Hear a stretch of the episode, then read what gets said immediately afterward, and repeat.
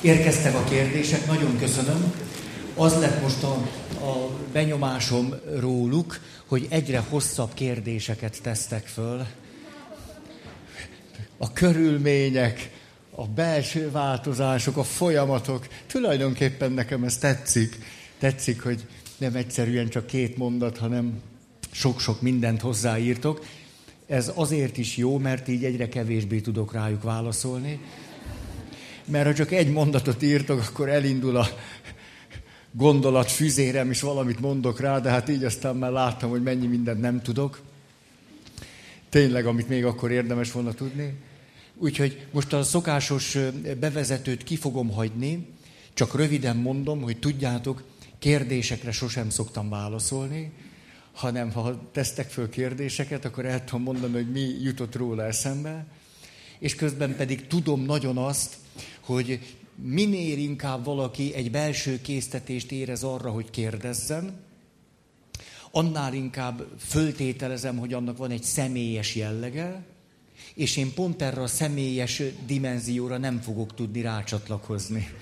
Nagy valószínűséggel. Lehet, hogy valamit megsejtek belőle, valami, valami, valami éppen eltalálom. De nagy valószínűséggel nem, ezért tehát tulajdonképpen nem is volt érdemes kérdezni. Így igen, menjünk haza ezek. Tehát azt lehetne mondani, hogy amit tudok, hogy nagyon igyekszem megbecsülni a kérdéseknek a személyes jellegét, nem elfelejtve, hogy a mögött az élet drámaisága, a te személyednek az emberi méltósága, a kapcsolatoknak a titka, és ezer-ezer nagyon lényeges, értékes, mi minden van, mégiscsak a válaszok elsősorban a témához kapcsolódnak majd, és a témára vonatkoznak. Akkor is, hogyha ez csalódást okoz. Mert hát mihez tudnék még? Na tehát, akkor így, így, így. Ja, és még egy valami, hogy, hogy egyrészt nagy tisztelet mindenkinek, aki egyáltalán kérdez. Ugye ebben van egy nagy bizalom is, meg még ha nem is olvasom föl, hogy ki írta, azért a kérdés mégiscsak ide kerül. Tehát nagy tisztelet és megbecsülés nektek a bizalomért. A másik, engedjétek meg kérlek, hogy nevessünk néha. Hogy, hogy amikor, nem, hogy, hogy amikor valami előkerül, akár a kérdésben, akár a válaszban, hogy megengedjük, hogy az életnek van egy ilyen természete is. És hogy talán kifejezése juttathatjuk, még mielőtt bármit is mondanék bármelyik kérdéshez, hogy ez sohasem kínevetés, vagy sohasem valamiféle gúny, vagy megvetés, hanem sokkal inkább akár egy pillanat szülte valami reakció. Aztán ezzel valamit tudunk kezdeni. Egyébként nagyon bennem van, egy terapeuta, akitől sokat tanultam, Reinhard Krüger, ő azt mondja, hogy az életnek néha vannak olyan elviselhetetlen nehézségei, amelyekben, ha képes vagyok együtt nevetni a klienssel, akkor elviselhetővé válik. Hogy van, vannak olyan helyzetek, amelyek tehát vagy agyon nyomnak az összes súlyukkal, vagy pedig meglátok benne valamit, amin keresztül máshogy is látom, és egy, egyszer csak, egyszer csak, és itt nem egyszer akkor a nevetés jön elő. Ó, tehát az élet néha elviselhetetlen nehézségét a nevetés elviselhetővé tudja tenni. Jó, vagy hát nem tudom, jó-e. Jöjjön az első kérdés. 2015. 5. 21. 18 óra 16 perc, 25 másodperc.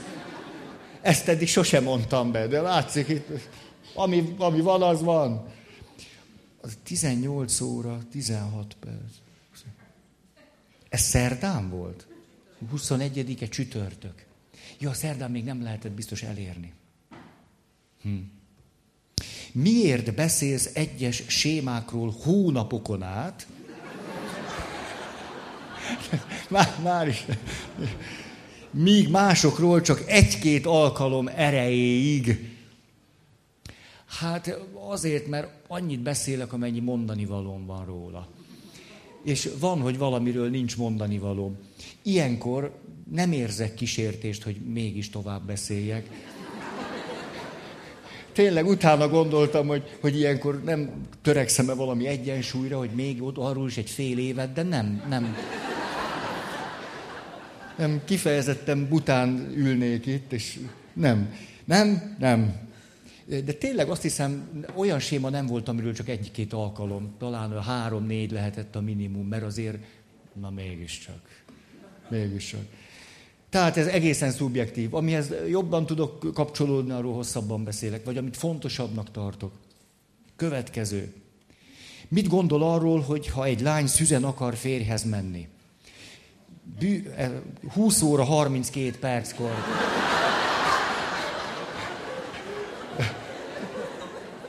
Kezdte el foglalkoztatni. De, ne, de látjátok, ez is Hát mit tudom én, lehet, hogy már nagyon régóta foglalkoztatja a kérdező, csak akkor, akkor jutott el a kérdésig. Bűne házasság előtt szexelni? Ez a kérdés egyik fele. A másik, ha szexuálisan zaklattak, zaklatták a lányt gyerekkorában, de évekig nem mondhatta el senkinek, ezen hogyan legyen túl lelkileg. Hogy tudjon elfogadni bármilyen férfit is, hogy merje közel engedni magához őket. A házasságkötés előtti szexualitásról szerintem minden évben föltettetek már egy-két kérdést, ebben következetesek vagytok. És két dologra jutottam az egyik, hogy a véleményem nem változott meg, hát ugyanazt gondolom róla, mint tavaly meg tavaly előtt. A másik pedig, hogy a házasság kötés előtti szexelésről ugyanazt gondolom, mint a házasságkötés utáni szexelésről. Egy kicsit se gondolok róla mást, pontosan ugyanazt gondolom róla. És talán ez a legépeszűbb válaszom erre a kérdésre, hogy ugyanolyan nagy becsben tartom, előtte és utána intimitás, őszinteség, önátadás, meghittség, szégyennek az eltűnése, mert hogy elfogadás és befogadás, és kitárulkozás, és hát ezt gondolom róla. A második részéről hosszabban akarnék, hogy hogyan tudjon akkor így valaki férfiakhoz kapcsolódni, ha az így azt jelenti, hogy szexuálisan bántalmazták. A, az első gondolatom, hogy akit bántalmaznak, ez a kérdés nagyon reális, nagyon-nagyon nehéz, nagyon, tehát már is, már is a tisztelet. Érdemes lehet valakivel erről beszélni, az erről nem jelenti azt, hogy magáról pontosan és mindig arról, ami történt, hanem arról, ahogy te vagy, amit ezt tett veled, ahogyan érzel, ahogyan viszonyulsz a férfiakhoz, ahogyan megvan benned a bizalom és a bizalmatlanság. Egyáltalán önmagadról, nem csak a bántalmazásról, magadról, hogy mi is van veled. Mert ugye, milyen érdekes a kérdésben is ez szerepel, hogy évekig nem beszélhetett róla senkivel.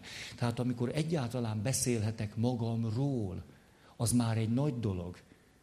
Mert amikor valami titokká vagy tabuvá válik, akkor nem egyszerűen csak arról van szó, hogy nem beszélhetek valamiről, hanem hogy magamról nem beszélhetek. Valami nagyon mélyről, ami velem van, és bennem van, az, arról nem beszélhetek.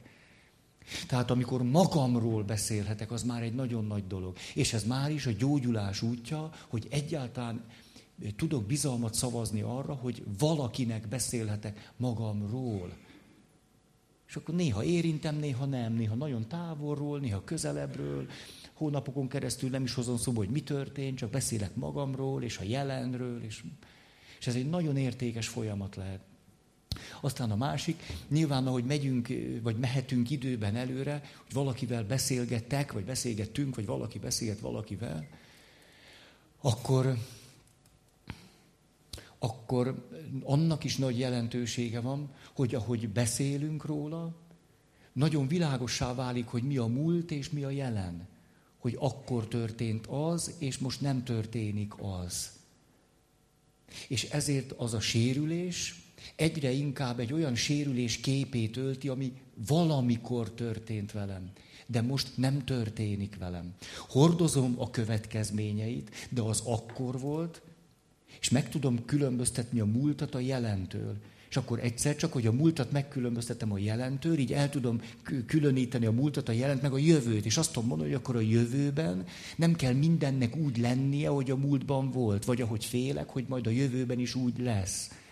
Tehát ez a beszéd azt lehetne mondani, hogy így szokták ezt kifejezni, hogy a problémát vigyük, videó, vigyük vissza oda, időben és térben, ahol az keletkezett. Vagyis megnevezzük, hogy az ott és akkor történt, és azokkal a személyekkel. Ez egy nagyon hosszú és árnyalt folyamat. És akkor egyszer csak kezd bennem is megváltozni az, ahogyan megkülönböztetem, hogy most nem akar bántani senki. Vagy hogy elhihetem, hogy találhatok valakit, aki nem akar majd szándékosan bántani, főleg nem ilyen, ilyen témában. Akkor nyilván nem mindegy, hogy milyen szemét választok. Nagyon nem mindegy, hogy, hogy olyan valakit keressek, aki megbízható, akinek a morális intelligenciája fejlett. Ilyen szemét eh, érdemes akkor keresni. Vagy rálátni arra, hogy eh, valakivel szexuális bántalmazás történt, akkor lehet, hogy elment az egyik irányba, ez pedig a szexuális szabadosság, mert hiszed úgyse számít, mert úgyse számítok, mert úgy is rossz vagyok. Az is lehetséges, hogy nem ebbe az irányba, hanem inkább lezártam minden férfi férfi felé való kapcsolatot, nehogy megint csalódjak, sőt megsérüljek, hogy elevenné váljon mindez. Szóval itt akkor a bizalom fölépülésének is van egy folyamata. Hát szóval nem szokott egy-két hónap lenni ez, még csak nem is egy-két év egy komolyabb szexuális bántalmazásból eh, talpra állni úgy, hogy magam számára is elfogadható életminőségben tudjak élni, az sok év. Sok év. Tehát nyilvánvalóan ezt a sok évet nem azzal foglalkozzuk, hogy mi történt ott és akkor. Hát mi van veled most? Hogy látod a jövőt? És, és, és, és. Eh, bárki, aki ebbe a munkába belekezd, egy nagyon értékes folyamatot eh, visz. Nagyon, nagyon becsületre érdemes és értékesed. Hmm. Igen. A, ilyenkor nem csak a bizalom tanulására van szükség, hanem az intimitás tanulására. Hiszen az intimitásunkban sérültünk rettenetesen. Megtanulni az intimitást pedig megint csak egy számtalan dimenziója van. Én megtanulok például magamról beszélni. Vagyis elkezdem szabályozni azt, hogy mennyire nyitom ki magam, és mennyire tartom magam zárva. Az életnek van számtalan helyzete, ahol gyakorolhatjuk azt, hogy kinyitom magam és bezárom magam hogy mikor nyitom meg magam, és mikor zárom be magam. Ez azt jelenti, hogy például a gyógyulás folyamatában megtanulom szabályozni azt, hogy hogyan húzzak határokat, vagy hogyan védjem meg magam. De közben azt is megtanulom, hogy hogyan nyissam ki magam, vagy hogyan vállaljak némi kockázatot, és amikor előjönnek a félelmeim, akkor hogyan tudjam szabályozni magamat, miközben megjelentek a félelmeim vagy aggodalmaim. Hogy amikor teszek egy lépést, és ebben a nagyobb bizonytalanságban, nagyobb nyitottságban találom magam, akkor ott is elkezdem gyakorolni azt, hogy megnyitom magam és bezárom, hogy ezt én tudom csinálni. Hogy nem más rendelkezik a fölött, hogy mennyire vagyok nyitott, hanem most ezt én szabályozom. Ezért látjátok, ez egy nagyon sok éves tanulási folyamat ahogyan határokat tartok, nyitok és zárok, beengedek és befogadok, és aztán... Há. És érdemes egy olyan eh, társal tenni mindezt, aki ezt a folyamatot nagyra tudja becsülni, amit én éppen csinálok, ahogy ezt a közelséget, távolságot szabályozom, nyitottságot, zártságot szabályozom. Nagyon értékes munka. Nagyon. Eh, hát úgy második kérdésre mm, A harmadik kérdés nagyon hosszú. 23 óra 15 perckor érkezett. Olyankor már lehet, hogy egy kisé módosult tudatállapotban vagyunk. Az időérzékünk nem úgy működik, mint reggel 8-kor. Akkor be kell érni 9-re. Mi a véleményed, de ez ahhoz kapcsolódik, mi a véleményed arról a helyzetről, vagy magatartásról, amikor valaki ott van a misén, érzi is mi a lényeg, de mégiscsak szemlélőként van jelen. Nem vesz részt tevékenyen a Szent Mise menetében. Előtte nagyon gazdagon leírta ez a kérdező, hogy mi minden folyamaton ment át, és ez, ezt tartom legfontosabbnak, hogy ez egy folyamat. És hogy megengedhető az, hogy ahogyan ott vagyok a misén, éppen ott tartsak, hogy nem akarok tevékenyen részt venni. Mert már az egy nagy dolog a részemről, hogy ott vagyok. Ezzel a szabadsággal érdemes ott ülni, hogy úgy döntöttem, hogy ott vagyok, és ez egy nagyon fontos döntés a részemről, ez kifejez belőlem valamit, sőt meg is élek valamit, de miután ambivalencia van bennem, mondjuk azzal, hogy nem mondom el a hiszek egyet, vagy nem tudom, nem térdelek le, ezzel kifejezem az ambivalencia másik részét. És ez elfogadható. Tehát érdemes szabadon ott lennünk, mindezt egy folyamatnak tartani, de az is biztos, hogy előbb-utóbb érdemes egy döntést hozni. És az is biztos, hogy az elmélyülésnek mindenképpen van egy közösségi része. Tehát érdemes cselekvően bekapcsolódni egy közösségi istentiszteletbe vagy liturgiába, mert lényege szerint közösségi. És azért, mert mi is lényegünk szerint közösségi lények vagyunk. Ezért eh, érdemes azt tudni, hogy előbb-utóbb érdemes lesz egy döntést hozni, hogy már be is kapcsolódok és cselekszem. Mert amikor bekapcsolódom és cselekszem, ott valami több fog velem történni, mintha ezt nem teszem. Ez egészen biztos.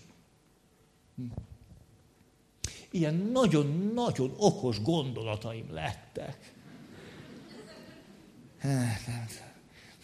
Hogy, hogy elmondtam, az jutott ezt biztos ti is tudjátok.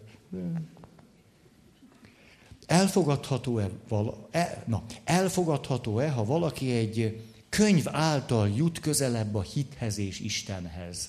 És a könyv itt a Viskó című könyv. A válaszom szerintem elfogadhatatlan. Hát ha van könyv, aminek kapcsán nem tűröm, hogy Istenhez valaki közelebb kerüljön, az a Viskó című alkotás. Nem ismerek olyan könyvet, aminek a révén ne kerülhetnénk közelebb Istenhez, vagy azért, mert olvassuk, vagy azért, mert nem. Mint ahogy éjszaka is van módunkban inni és nem. És mind a kettő javunkra szolgál. Hát tényleg milyen nagyszerű ez, hogy a Szentlélek ott fújja, hol akar. És hát, tényleg. Hát, jó. Igen. És lehet-e, hogy a könyv írója azt az irányzatot képviseli, ami, a, ja, én nem olvastam a Viskó című könyvet, azt hallottam róla, hogy sokaknak nagyon-nagyon sokat jelentett. Ezt hallottam. Tehát akkor 5-6 oldalt olvastam egy nyári szünetben, mert arra gondoltam, hogy akkor talán el tudom olvasni, de nem, nem, nem tudtam. Öt oldal után én nekem végem lett. Tényleg, nem, egyszerűen nem tudtam elolvasni, de sok könyvvel vagyok így. Így elég sok a szabadidőm. Nagyon sok könyv elolvasására nem érzek késztetést. De ezt gondoltam, mert annyian dicsértétek, hogy, hogy mindenképp. De hát, nem. beletört a bicskám. Lehet, hogy a könyv írója azt az irányzatot képviseli, ami azt mondja, hogy nincs szükség közvetítő személyre az egyén és Isten között? És tulajdonképpen engem is ez a történet vitt közelebb Istenhez, és nem a Biblia olvasása? Van-e szükség Isten és ember között közvetítőre, tulajdonképpen a kérdésben van egy naivitás. Mert a kérdés, hogy van-e szükség közvetítőre Isten és ember között, a, válaszunk az az, hogy közvetítőkön keresztül jutunk közel Istenhez. Kikerülhetetlenül, nem hogy szükségünk van, hanem ez így történik. Tehát mire egyáltalán föltesszük ezt a kérdést, hogy van-e szükségünk közvetítőkre, addigra már rengetegen közvetítették számunkra azt, amiről most azt tételezzük föl, hogy van vagy szükségünk rá, vagy nem. És akkor itt ma most fölállok, hogy ezt miért gondolom így, és utána, hogy, hogy a kérdés szerintem mire kérdez rá. Hogy itt nem valami katolikus, protestáns vitát szeretnék folytatni, ahhoz nem lenne kedvem. Például, hogyha egy ilyen könyv jelenne meg, hogy kinek van igaza a katolikusoknak vagy a protestánsoknak, én lennék az első, aki azt nem veszem meg. Rögtön a megjelenés pillanatában döntenék úgy, hogy ezt a könyvet nem fogom megvenni. Szóval mivel kezdődik a, az Isten és az ember közti kapcsolat a természete szerint? A foganásunkkal és azzal, hogy kapcsolatban vagyunk az édesanyánkkal. Illetve azzal, hogy az édesanyánk kapcsolatban volt az édesapánkkal. Ezért mindaz, ami bennünk az Isten kapcsolatnak a kezdete, az két embernek a kapcsolata, majd pedig az édesanyánkkal való kapcsolat magzatként, és hogy mennyire így van, tudjuk jól, hogy már az első kilenc hónapban, amit az édesanyánk méhében töltünk, lehet összeszedni egy kis cuki kapcsolati zavart. Most, ha én a születésem előtt összeszedek egy kapcsolati zavart, még mielőtt szavaim lennének, bármiféle szavam, hogy föltegyem ezt a kérdést, hogy kell-e közvetítő vagy nem, akkor tulajdonképpen a realitás túl van ezen a kérdésen, és messze, messze meg is előzi. Egészen combos kapcsolati, kötődési zavarokat is össze lehet szedni már megszületésünk előtt. És aztán a kutatásokból meg nagyon jól tudjuk, de ezt akkor most csak így tik-tik-tik így dobálgatom ezeket, hogy, hogy emlékeztek talán erre. Létezik öt speciális megküzdési stratégia, vallási megküzdési stratégia. Imádság, közösségi istentisztelet, közösségnek a megtartó ereje, szentírás, olvasás, lelki beszélgetés, speciális szentírás, olvasás, speciális megküzdési stratégiák. A kutatók a következőre voltak kíváncsiak. Ha valaki biztonságosan tud kötődni, akkor melyik megküzdési stratégiát tudja eredményesen alkalmazni nehézségek idején. A válasz a biztonságosan kötődők mind az öt speciális megküzdési stratégiát eredményesen tudják alkalmazni. A bizonytalanul elkerülő, vagy bármilyen más sebzett módon kötődők, melyik speciális vallási megküzdési stratégiát tudják eredményesen alkalmazni? A válasz így szól, egyiket se. Egyiket se. Azért, mert a kötődési zavar meghatározza a megküzdés módját, folyamatát és minőségét. Amit így fejezett ki az a kedves asszony, de ezt minden évben egyszer el szoktam biztos mondani, hogy hát tudja, hogy az az én bajom, hiszek én Istenbe, csak nem bízok benne.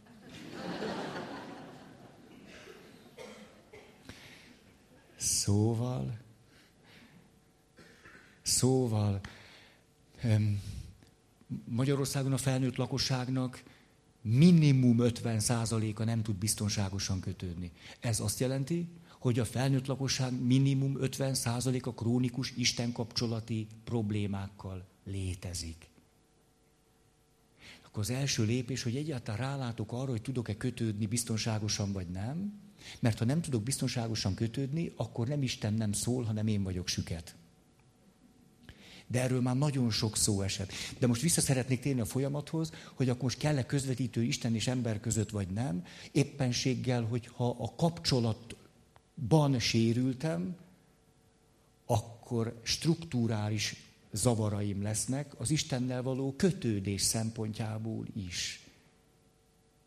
Aztán a második lépés a hit fejlődésében, amit most a kapcsolat szempontjából szeretném kiemelni, és csak egy-egy mondat, ez a fantázia és a képzelő erő. És itt a súlypont a képzelő erőn van, nem a fantázián, a kettő nem ugyanaz. A képzelő erő, mert mi a képzelő erő, jó kifejezés, hogy erő, el tudok képzelni valami jót. El tudom képzelni, hogy Isten szeret. El tudom képzelni, hogy egy helyzetet jól tudok megoldani. El tudom képzelni, hogy egy nehézségen hogy tudom túlverekedni magam. El tudom képzelni, hogy ebből a nehézségből is van kiút. El tudom képzelni, hogy Isten valahogyan majd segíteni fog nekem. El tudom képzelni, hogy Isten gondoskodni akar rólam. El tudom képzelni azt a reménybeli jövőt, amit Isten és én együtt megtehetünk. Képzelő erő. És mi kell ahhoz, hogy valakinek jó legyen a képzelő ereje? Például sok mesét kell neki olvasni. Hmm. És a három évesen egy tabletet néz, a négyes hatos villamoson, az nem ugyanaz. Tehát a képzelő erőnek a fejlődése olyan személyeken múlik, akik nekem mesélnek, vagy akik meghallgatnak. Vagy olyan személyeken, akik képesek elterelni a figyelmemet. És bele tudnak mesélni, és bele tudnak látni az életbe sok-sok olyasmit, amit én egyedül nem fedeznék föl. És amikor én rettenetesen félek, vagy rettenetesen dühös vagyok, vagy rettenetesen bepisiltem, akkor ő, hát mi? Akkor ők valahogy máshova és másfelé és egy másik világot képesek közvetíteni. És ez később bennem egy pszichés funkcióvá válik, a képzelő erőm combos lesz, ami a hitnek az egyik erőforrása. Aztán a következő lépés, a hitfejlődése szempontjából a szavaknak a becsülete. Akkor tehát olyan személyekre van szükségem, akik amikor ígérnek valamit, azt megtartják. Ha valamit mondanak, azt komolyan veszik. Ugye az alappedagógiai mondat így szól, nem mondjunk olyat a gyerekeinknek, amit felnőttként vissza kell vonnunk. Nem kell mindent mondani, hanem ahhoz alkalmazkodva, ahogy és amit kérdez, mondok valamit, de ne kelljen visszavonni. Például az ember nem lesz angyal a mennyben. Nem. Nagyon nem. Angyal, angyal, ember, ember. Tehát amikor a nagymama meghal, akkor nem mondjuk neki azt, hogy most a mennyben angyal. Mert ember. Ilyen egyszerűen csináljuk ezt. És emlékeztek erre a történetre volt. Édesanyja nagyon készült arra, hogy amikor a kislánya először a szexualitásról kérdezi, hogy is volt a kérdés a, a szexelésről, hogy akkor ő nagyon pontos, kimerítő választ tudjon adni a szexelésről. És, a, és valami vendégségben voltak, és egyszer csak odaállt a legalább négy éves kislány az édesanyja elé, és az éppen akkor frissen megérkezett unoka testvérével kapcsolatban a következő kérdést tette föl. Az unoka testvér egy újszülött pici baba volt, akit a szülei Mózes kosárba hoztak, és a kislány azt kérdezte, anya, anya, hogy kerül ide ez a gyerek? És az édesanyja egyszer csak úgy érezte, hogy itt az alkalmas szent idő, hogy most elérkezett a pillanat, és elkezdte mondani, jaj, pici lányom, gyere, foglalj helyet, mert ez hosszú lesz és elkezdett beszélni pete sejtekről, és hím ivar sejtekről, és méhnyaknyákról, és mindenről, ami ehhez a folyamathoz elengedhetetlen, pH értékekről és a többiről. A kislánya jól nevelt volt, és két bepisilés után bátorkodott megszólamlani, és azt mondta, anya, engem csak az érdekelt, hogy autóval jöttek-e, vagy valami.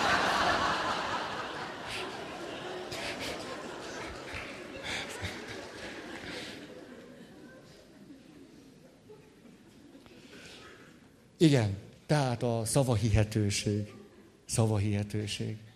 Mert amikor megbízható személyekkel van kapcsolatunk, akkor nem csak a, a bizalmunk nem sérül meg egy korai érzékeny szakaszban, hanem megtanuljuk a szavak becsületét. Ez például nagyon nagy erőforrás akkor, amikor 30 év múlva kinyitom a Szentírást egy krízisben, és ott Jézus mond valamit. Azt mondja például, hogy ne féljetek. Én legyőztem a világot. És számodra ennek a mondatnak ereje és üzenet értéke lehet. Azért, mert te megtanultad gyerekkorban egy kapcsolat révén, hogy a szavaknak van tartalma, és van súlya, és hogy azok valami fontosat jelentenek és képviselnek. aminek lehet, hogy a tapasztalati ö, ö, világát még nem értem, és nem élem, vagy nem érzem, de van, mert valaki olyan mondta, aki nem csapott még be. Vagy aki elismerte, hogy ha valamit nem mondott jól. Emlékeztek arra a gyerkőcre, akkor hirdettem többször egymás után a templomban, hogy gyerekek, szombaton, pünkösd előtt, hogy gyönyörűen esik az eső. El fogunk menni kirándulni.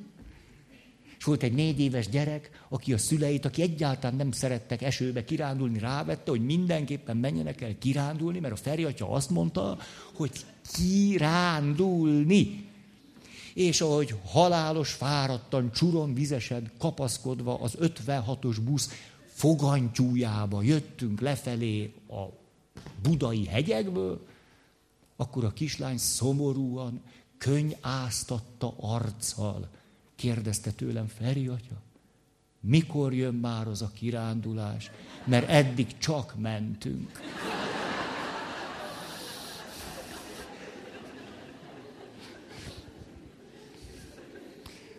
Szóval, tehát ahhoz, hogy később mondjuk a, a, számomra a szent írásnak, és ez lehet bármelyik vallásban meglévő szent irat, lehessen valami súlya vagy tartalma, ami egy megküzdésemet segíti. Ahhoz olyan személyekre van szükségem, hogy. Aztán a következő szakasz, a serdülőkor, ott kétszeresen is igaz ez, mert ott jön a példaképek világa. Szükségem van valakire, aki nem az apám. A haveromnak az apám a példaképe, én nekem nem. Nekem viszont a haverom apja, neki meg ő, neki nem. És akkor így jól el vagyunk. És szükségünk van olyan személyekre, akik hitelesítik a hitet. Személyekre van szükségünk, éppenséggel. A hit fejlődésének serdülő korában erre nagy szükségünk van. És jaj nekünk, ha nem találunk ebben az érzékeny korszakban senkit, akire föl tudnánk nézni. Serdülő korban erre nagy szükség van. Ez az egyik, és a másik kortárs csoport. A hit hogy erősödik meg? Hogy rájövök arra 16, meg 17, meg hát a serdülőkor tart 30 éves korig, tehát mondjuk 28 éves koromban megérzem a közösség erejét, hogy együtt csinálunk valamit, hogy együtt elmegyünk, és valakiknek segítünk. Á. Á. Tehát, hogy a hit nem egy, nem egy szóló műsor, és hogy a hitemet hogyan erősíti az, hogy te is hiszel, és meglepődve figyelem meg, hogy az, ahogyan az Istennel való kapcsolatom eddig alakult, az valakinek érdekes lehet, vagy erőforrás lehet, vagy kiegészítheti az ő történetét, hogy a Szentlélek az én életemben másképp volt jelen, mint az ő életében, miközben ugyanazt képviselte. Tehát ez csodaszép. És hogy együtt, együtt valami, valami többlet történik. Aztán itt jön egy nagyon fontos szakasz, amit tévedésekre adhat okot.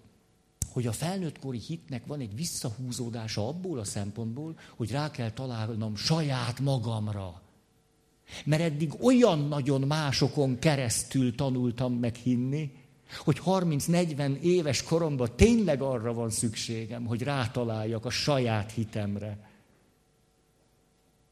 De nem azért, mert hogy ez most a, a hitnek a csúcs, hogy mindenkitől leszakítom magam, hanem azért, mert ennyire mert eddig annyira másokon keresztül és másokkal összefüggésben alakult a hitem. Ezért kell egy picit eltávolodnom másoktól. De közben pedig, közben pedig itt is történik valami. Ez pedig az, hogy ahogy, ahogy rájövök egyáltalán, hogy én hogyan is hiszek,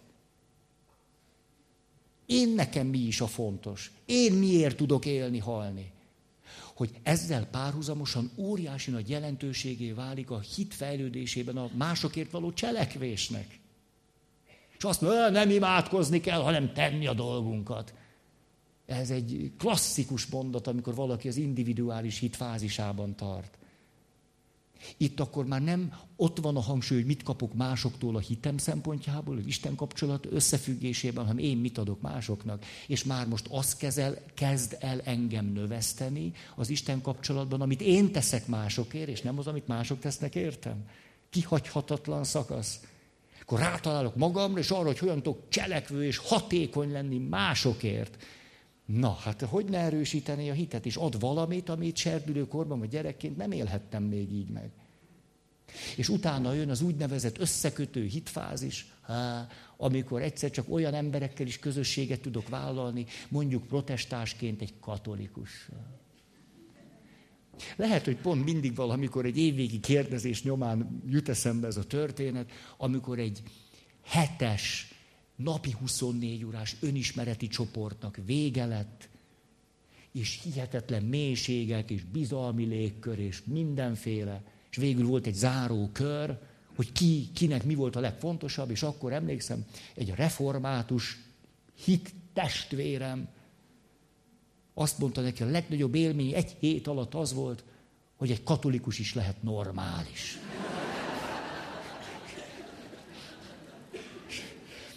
Én mondjuk, igen, magammal kapcsolatban nem, nem tudom, hogy ez a szó jutna először eszembe.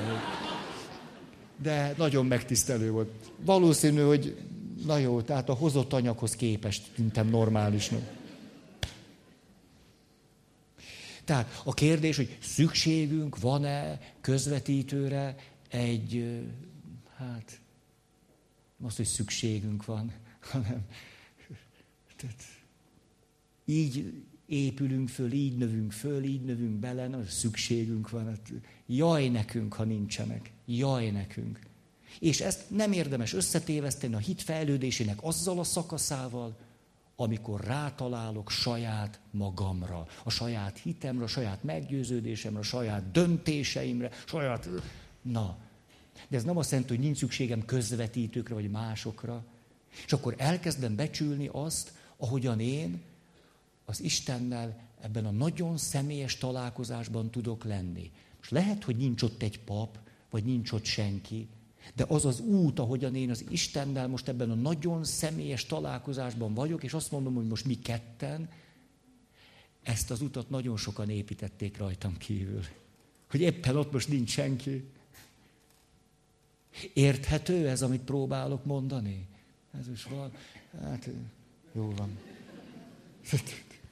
Oké. Okay. Néha érdemes bizonyos kérdésekből kigyógyulni. Tényleg. Ugyanazokra a kérdésekre nagy előszeretettel adjuk ugyanazokat a sematikus válaszokat. Hm. Jó. Következő. Kedves Feri. De hol a kérdés? Ez jól esik. 9 óra 38. Hm, reggel. Azt mondja, mi a véleményed a katolikus egyház által propagált természetes családtervezésről? Hosszú hónapok alatt már a kívánt gyerekszám elérése után imádkoztam át a témát, és belső békére jutottam abban, hogy a nem abortív fogamzás gátló eszközök, például óvszer használata belefér a természetes módszer, meg sok mindennek tűnik, csak természetesnek nem, legalábbis egy nő számára. Ehhez képest a gyóntató, gyóntató papom, na és egy gyóntató papom, gyóntató papom, gyom, gyom, gyom, gyom. Nem akar feloldozni. Ha így állok a kérdéshez. Köszönöm, ha mondasz erről néhány gondolatot. Ez nagyon megtisztő, hogy nem kell válaszolnom. Ez nagyon-nagyon lehet, hogy régi, régi, baráti. Mondok róla néhány gondolatot. Nagyon értékesnek tartom, hogy valaki fontosnak tartja az egyház álláspontját ebben a kérdésben, mert hogy erre utal, hogy mi a véleményem, hogy az egyházzal hogy van. Tehát ez egy nagyon értékes dolog, hogy engem érdekel, hogy az egyház vagy az egyházam mit mond. A második, azt is nagyon értékesnek tartom, hogy azt mondja, hogy egy belső békére jutottam. Ezt, ezt is nagyon értékesnek tartom. És a harmadik, ami nagyon elgondolkodtatott engem, hogy mi lenne, hogyha ezt a folyamatot tovább vinnénk, mert most ő benne, hú, ilyenkor szoktam összekeverni a lapokat. Ő benne van egy harmónia, vagy egy megbékéltség azzal, ahogyan a döntése nyomán elhatározta, hogy hogyan fog ehhez a kérdéshez viszonyulni. De, ahogyan a gyóntató papjáról beszélt, úgy tűnik, hogy ez a harmónia még nincs meg. A gyóntató pap, azt gyanítom, önmagán túl is valamit képvisel. És most a következő lépés számomra, hogy önmagammal békében vagyok a válaszom nyomán, de mondjuk a gyóntatópap mond erre valamit, vagy az egyháznak van valamilyen álláspontja erről, és ebben a viszonyban még nincsen békém. Mert a kérdés így szól, hogy gyóntató papom nem oldoz föl. Ez ugyanúgy egy nagyon nagy kérdés, mint az, hogy én önmagammal hogy vagyok. A következő nagy lépés ebben a történetben, hogy elkezdem valahogy tisztázni azt, hogy ebben a viszonyban hogy vagyok. Nem egyszerűen csak egy pappal, hanem azzal, amit ez a pap képvisel. Ezt egy nagyon értékes folyamatnak látom. Tulajdonképpen még odáig is elmerészkedni, hogy azt mondjam, hogy az életünkben vannak olyan helyzetek, amikor a személyes meggyőződésünk ellentétben áll egy általunk nagyra értékelt intézményes válaszsal. Hm. És akkor ennek lesz egy feszültsége. Ez a feszültség egy értékes dolog. Ha valamilyen választ adnék erre a kérdésre, akkor a válaszom így szól, hogy ezt a feszültséget nem akarnám föloldani. Mert hogy ez a feszültség bizonyos szempontból fönnáll. És ez a feszültség egy realitást képvisel. Ha föl akarom oldani ezt a feszültséget, akkor a realitás veszíteni fog, ez pedig azt jelenti, hogy én is egy vesztes leszek. Mert csak azon az áron tudom megtenni, hogy valamit jónak és valamit rossznak tartok. Tehát itt ez egy értékes folyamat. Hogy hogy, hogy vagyok én azzal, mondjuk elvált vagyok,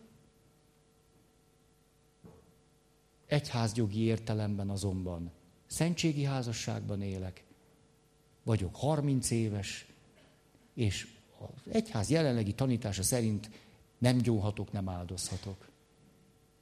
De nekem az egyház fontos. Akkor most mi van? Engem azt foglalkoztatna, hogy erre a helyzetre milyen válaszokat adunk. Nem csak konkrétan a helyzetre, amiből a kérdés fakad. Mert ilyen helyzet számtalan adódik. Számtalan, számtalan. És azt látom, hogy hosszú távon azok tudnak igazán növekedni, akik bizonyos dilemmákat és feszültségeket képesek elhordozni. Anélkül, hogy elkezdenénk sarkítani. Hogy az egyik sarkítás mi? Hogy ide ülök, és azt mondom, hát kétség kívül az egyház, amit mond, az, az egyszerűen utolsó betűig, pontig úgy van. Minden, mind pont úgy van. Nem is kell értelmezni, gondolkodni, és az úgy van, és kész. Az, hogy én mit tartok helyesnek, vagy jónak, vagy mit érzek, az nem számít. Mert én rendes hívő akarok lenni. Ez az egyik véglet. A másik, én az utolsó mondatig, veszőig, pontig azt tartom helyesnek, ahogy ezt a helyzetet megélem. És ahogy ezt magamban elrendeztem, és a harmóniára jutottam. És ez pedig egyáltalán nem számít. Mind a két esetben történik egy meghasonlás. És ez a meghasonlás árt nekünk. Ezért nekem a következő lépésem ezekben a helyzetekben mindig az, hogy, hogy azt a dilemmát, ami köztem és egy gyóntató pap között van, ezt a dilemmát megnézem, hogy mi ez a dilemma akkor, hogyha ez egy belső dilemma. És a gyóntató pap képvisel valami belső tartalmat. És akkor ezzel kezdenék el dolgozni, vagy foglalkozni. És akkor ide még valami, hogy az, hogy, hogy valaki valamilyen oknál fogva Nem mindegy, hogy milyen oknál fogva. Úgy dönt, hogy több babát nem akar vállalni. És ezért a, a család tervezésnek más módjaihoz folyamodik, az nem föltétlenül van ellentétben a katolikus egyház tanításával. Tehát a helyzet ennél árnyaltabb, mint hogy ha valaki másképpen jár el, akkor biztos, hogy nem oldozható föl. Ez egyáltalán nem biztos, hogy ő nem oldozható föl, mert lehet több oka annak, hogy valaki másfajta családtervezési módszert használ, és nem a természeteset. Például valakinek volt négy császármetszéses szülése. És az orvos azt mondja, hogy az ötödiknél mondjuk már nem lesz összevarható. Súlyosan veszélyezteti az egészségét, a már megszületett gyerekeknek a jólétét. Azt a felelősséget, hogy gondoskodni róluk. Ebben az esetben például minden további nélkül egy belső küzdelem után dönthet valaki úgy, hogy nem a természetes családtervezésnek a lehetőségével él. Ez azt jelenti, hogy ebben az esetben nem mondhatjuk azt, hogy valaki, aki nem a természetes családi módszerével élt, ő eleve nem oldozható föl. Itt tehát meg kellene jobban ismerni azt, hogy miért jutott valaki arra a döntésre, hogy óvszert használ. Plö. De ezt elméletben nem tudom. Mert lehet ezért is használni, meg azért is. És a helyzet nem ugyanaz. Ez a válasz. Tehát az is lehet, hogy van olyan pap, aki őt föloldozná.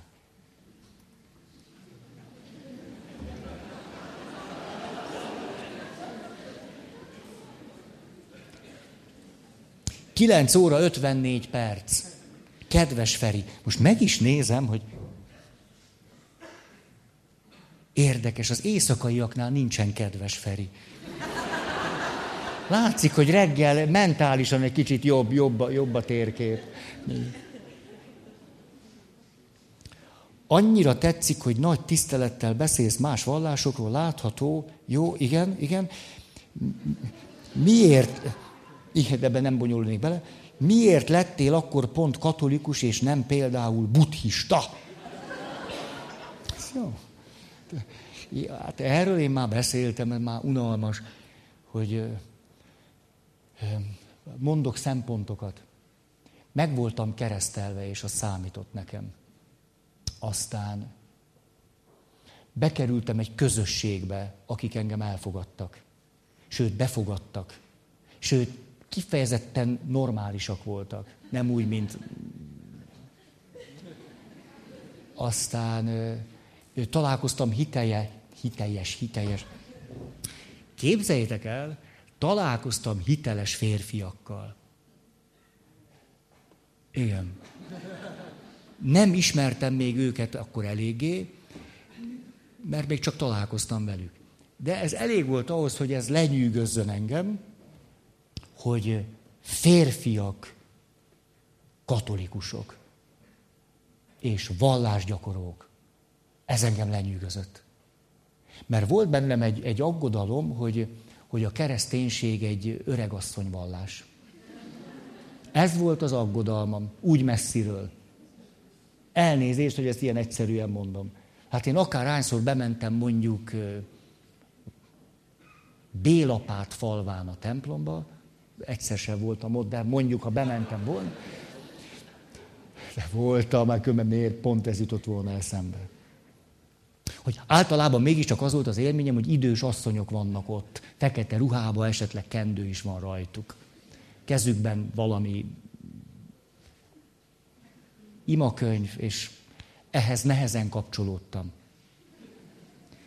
Ám, de azokhoz a férfiakhoz, akikkel találkoztam, és mindegyik, de hirtelen arra jutottam, hogy a kereszténység az egy férfinek is megfelel.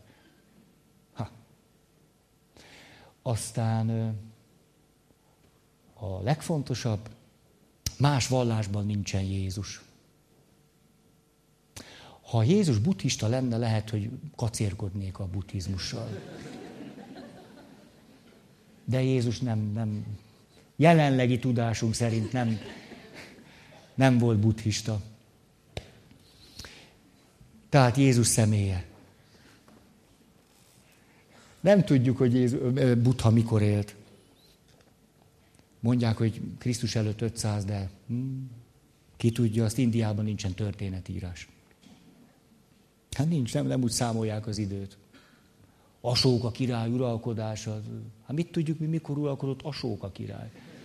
Tényleg, olyan, olvasol egy könyvet, mikor élt Buddha, Asóka király uralkodása idején. Csak azt nem tudjuk, ő mikor élt. Na jó. Ilyen. És miért pont katolikus lettem? Nézd, hogy Szerinted hogyan járulhatnék ahhoz hozzá, hogy a párom, akivel hat éve együtt élünk, jobban megnyíljon előttem? Ő nem mindig partner ebben, sohasem kezdeményez mélyebb témákban. Szerintem nem tart partnernek, és ez nagyon rosszul esik. Mert szerintem sokat tudnánk beszélgetni, és én nem vagyok hülye. Igényem is volna rá, és mégiscsak az élettársam. Hát kivel osszam meg ezeket, ha nem vele? Ő viszont nem osztja meg velem a gondolatait, esetleg nem tart igazi társnak, és ez lehet a gond. Hogyan tudnék neki segíteni, hogy megnyíljon felém?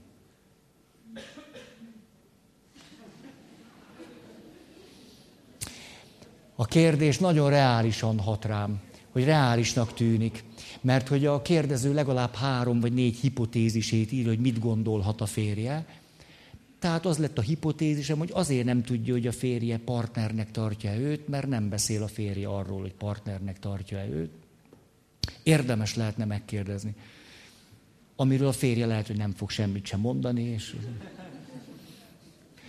De most komolyan, komolyan, ez, ez reális nehézség. Ez egy igazi, reális nehézség. Akár úgy is láthatnám, hogy az intimitás szükségletben különbségek vannak. Nem biztos, hogy erről van szó, de lehet szó erről is. A kedves ismerősek jutnak eszembe,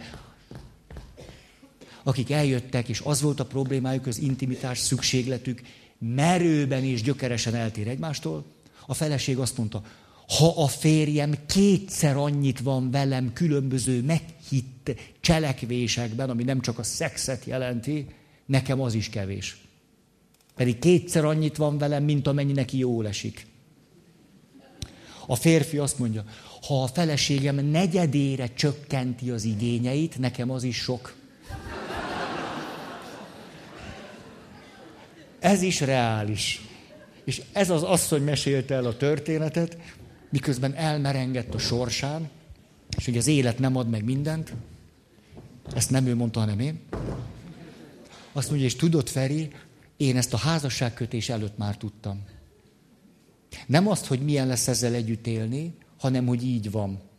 És akkor elmesélt, hogy gyönyörű tavaszi nap, és ő utazott a villamoson, és melle ült, mellette ült a párja, és ő volt a világ legboldogabb benyasszonya, Annyira boldog volt, hogy igaz ilyen női pesdülettel arra a gondolatra jutott gondolkozás nélkül, hogy mennyire jó lenne valahogy ezt a egyébként is tökéletes pillanatot még tökéletesebbé tenni.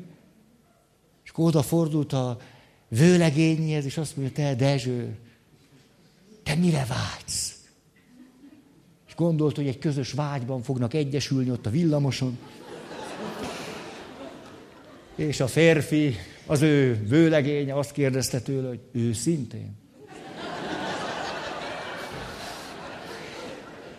Mire ő minden menyasszonyi eufórikus hevületétől vakon és aléltan tartott egy rövid kis előadást arról, hogy hogy másképp, hanem őszintén, mikor egy életet fognak együtt leélni, holtodiglan, holtáiglan.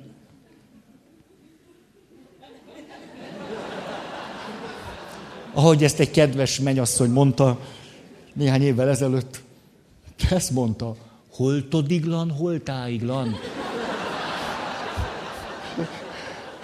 De az volt benne a szép, hogy neki nem tűnt föl. De, a nász nép ugyanúgy reagált, mint ti. Annyira nem figyeltek oda erre, hogy... Tehát az üres helyeket kiegészítjük. Ugye? Mi történik, nem olyan fontos. Tehát ő ezt mondta, holtodiglan, holtáiglan, nem hagylak el. Ez egy bevállalós eskü. Tessék? Jaj, nem felejtettem el. Nem. Igen, hogy fogtam a papírt, ugye az megzavart titeket. Azt hitt, hogy elszálltam, és nem. Kifejezetten az eszemnél vagyok. Nem. Tényleg. De ez is igaz, hogy nem ültem át, ugye? És annyira benne vagytok ebben, hogy át kell ülnöm. Csak hogy még a, a nő nem fejezte be, azért maradtam Olyan hosszan mondta, mondta, hogy ez egy életen, és értitek, még csak a holt, amikor a holtáiglannál vagyok. És mondta, és mondta, és mondta, és, és de a férfi végighallgatta, mert látta, hogy a nőnek fontos. És hát végül is még, még bírta. És végül, hogy a nő ránézett, férfi azt mondta, hát hagyná békén. Hát, ő arra vágyott. Ez volt az őszinte verzió. Egy kicsit kevesebbet, vagy... Békén. A férfi egy introvertált, a nő meg extrovertált. Ennyi. Intimitás szükséglet nagy, alacsony. Ennyi. Értékes klassz emberek, de hát Hát ettől nem, nem kell még tönkre menni.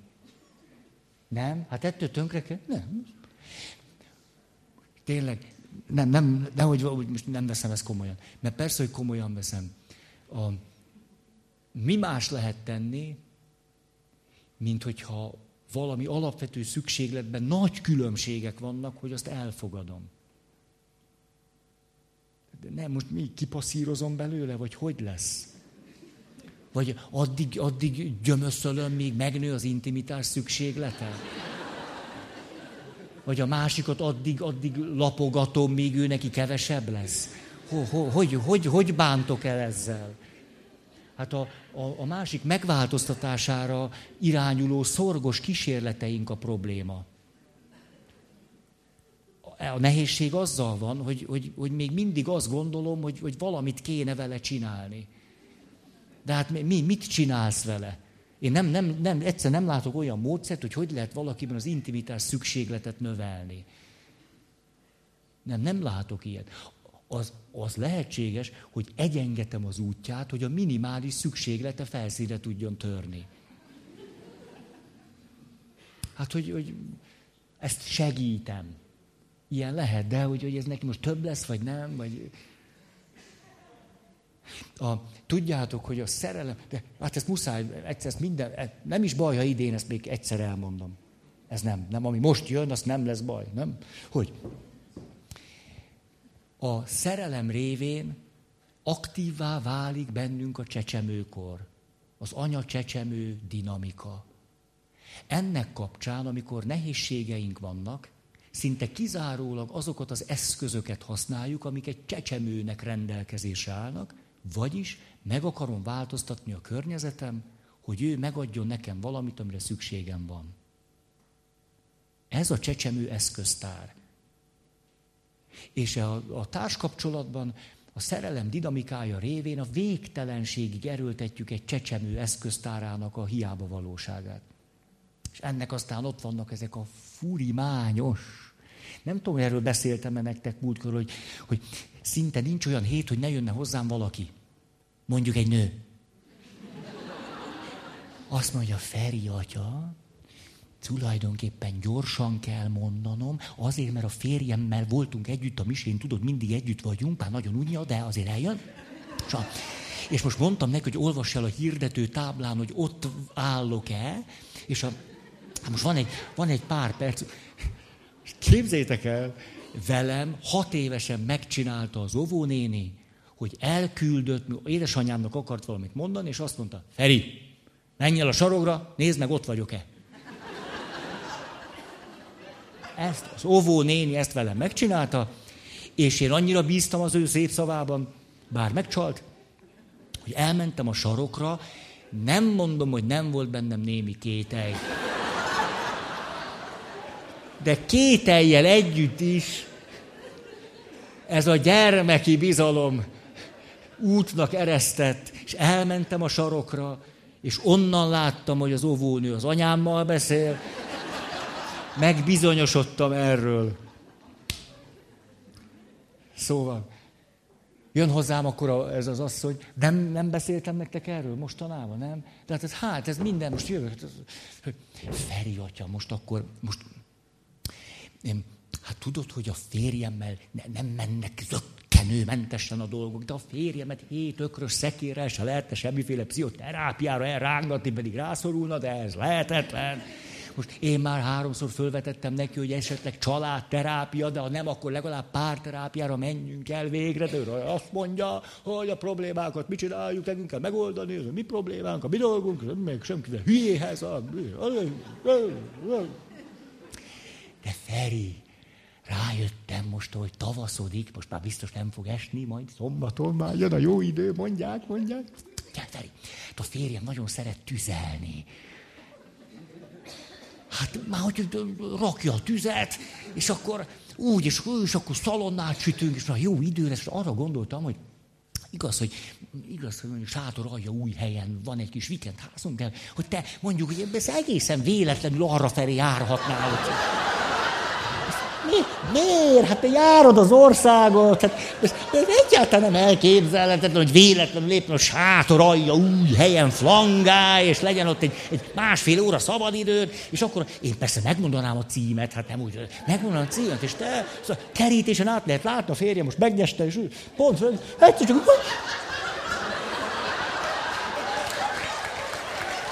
Hát, csak nem a Dezső! És akkor így én mindent úgy fogok intézni, hogy nagy dobogjon a tűz, tehát vér, semmiképp se tud el. És akkor hát azt, hogy jó, hát ez micsoda meglepetés, érted? Tudom, de hát ez kegyes hazugság a jó cél érdekében. És akkor, jó, de, de, de ha nem, akkor mondjál mást, ez elismerem, te egy pap, vagy minden mondom. És az a lényeg, hogy csak olyan lazán gyere, bár tudod, hogy szoktad gyere be, és akkor az lenne, tudod, ő, ő ott, ott, ott fogja rakni a nyás, azt nagyon szereti, és akkor persze, hogy kapsz. Tudom, hogy vegetáriánus vagy, direkt fogok csinálni, de nem úgy, hogy neked, hanem mintha más is nem menne hús. De... És akkor, ahogy ott, ott te szerintem csak úgy, hát tudod, hogy kóla is lesz, igen, lesz kóla, és akkor Fogod a kólátot, leücsölöz, hagyod, hogy ő csinálja, az megnyugtatja, tudod, annyira ismerem már, húsz év, megnyugszik, hogy rakosgatja, és te egyszer csak, de tényleg, mint hogy, hogy ott, ott hirtelen eszedbe jutna, de érted csak úgy pertangentem, hogy mondd neki, te Dezsőkém, hogy jársz az érzelmi intelligenciát?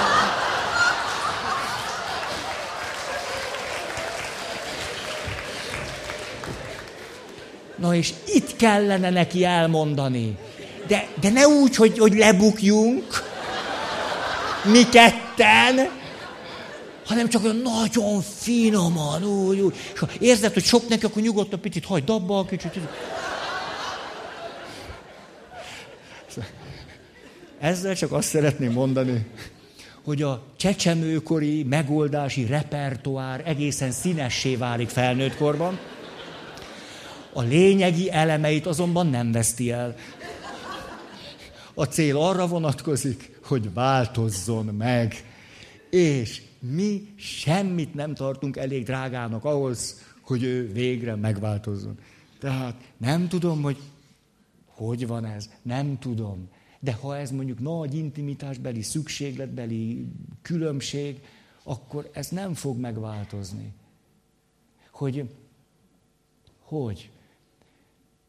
Mind a két fél értékes. Hogy értékes ember valaki, aki itt ül, és ő például nem, nem akar mindig beszélgetni. Ő egy értékes lény. Ez nehezíti a kapcsolatot. A feleségének igaza van. Igaza van. Nehéz így. Nem lehet tudni, hogy mi van vele. Ez nehéz. És valaki, aki meg a kapcsolatért szívesen tesz, ő neki meg ez a nehéz. És neki is igaza van. Hmm. Csak az a kérdés, hogy szeretem-e, vagy nem. Hmm. Szeretem, már ilyen fajta. Székelyvér.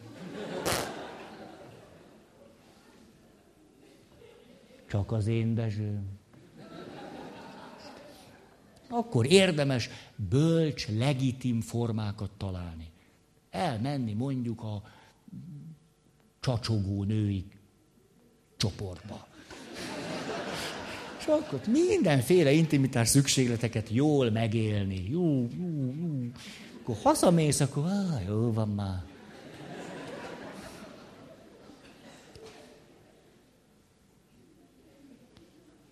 Igen. Hi.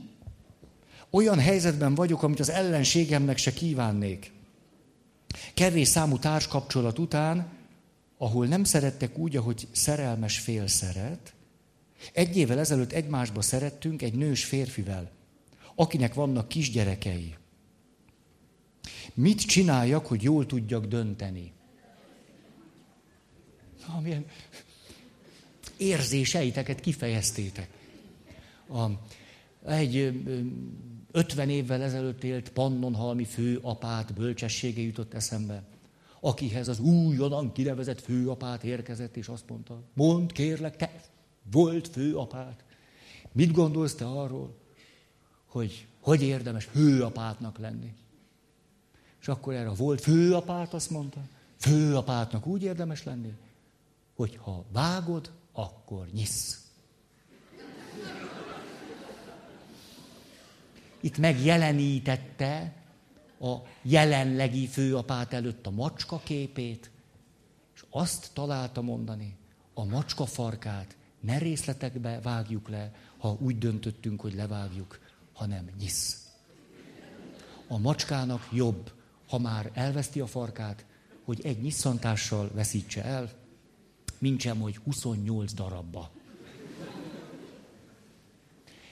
Most így válaszoltam erre, de ezt komolyan, komolyan. Az volt a benyomásom, és tulajdonképpen a kérdés nagyon-nagyon pontos, Mit csináljak, hogy jól tudjak dönteni? Hogy nem, az illető még nem hozott döntést. Tulajdonképpen sodródik. Ezt én sodródásnak érzem. Ami itt van egy fél oldal, csak azt nem olvastam el. Ez egy sodródás. És hát, ha elhagyja, hát, ha elvesz, hát, ha... Ez egy sodródás. És érdemes volna dönteni. És nem centinként vágni a macska farkát, mert úgy jobban fáj. Jobban.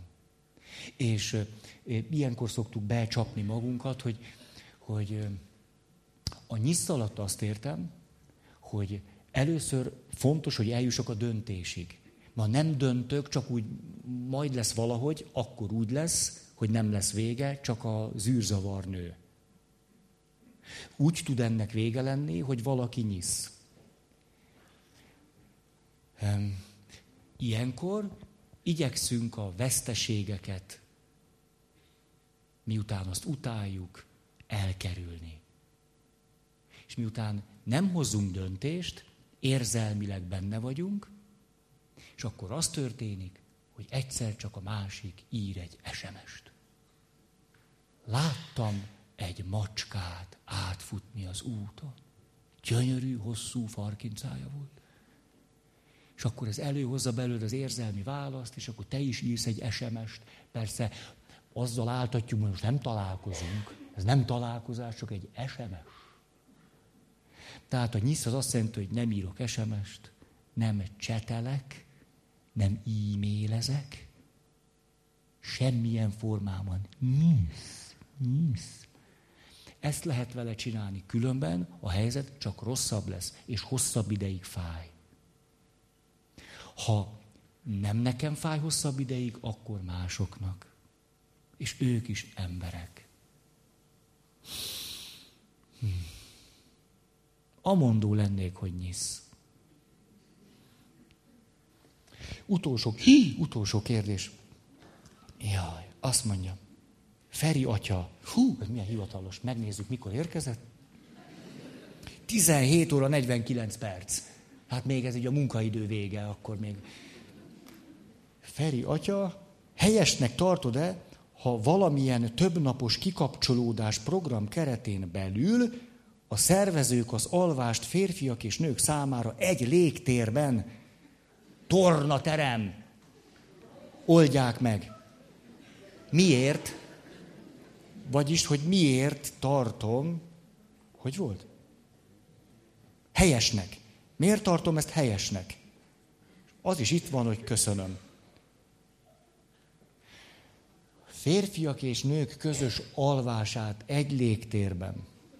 Azért tartom helyesnek. De ez volt a kérdés.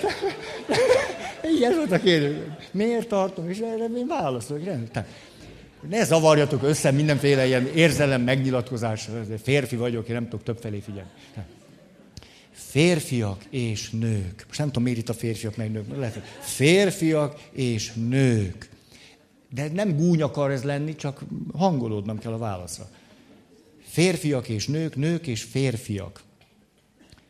Egy tornateremben, vagyis egy közös légtérben való alvását. Azért tartom helyesnek, mert alvás közben a bűn elkövetés esélye minimális.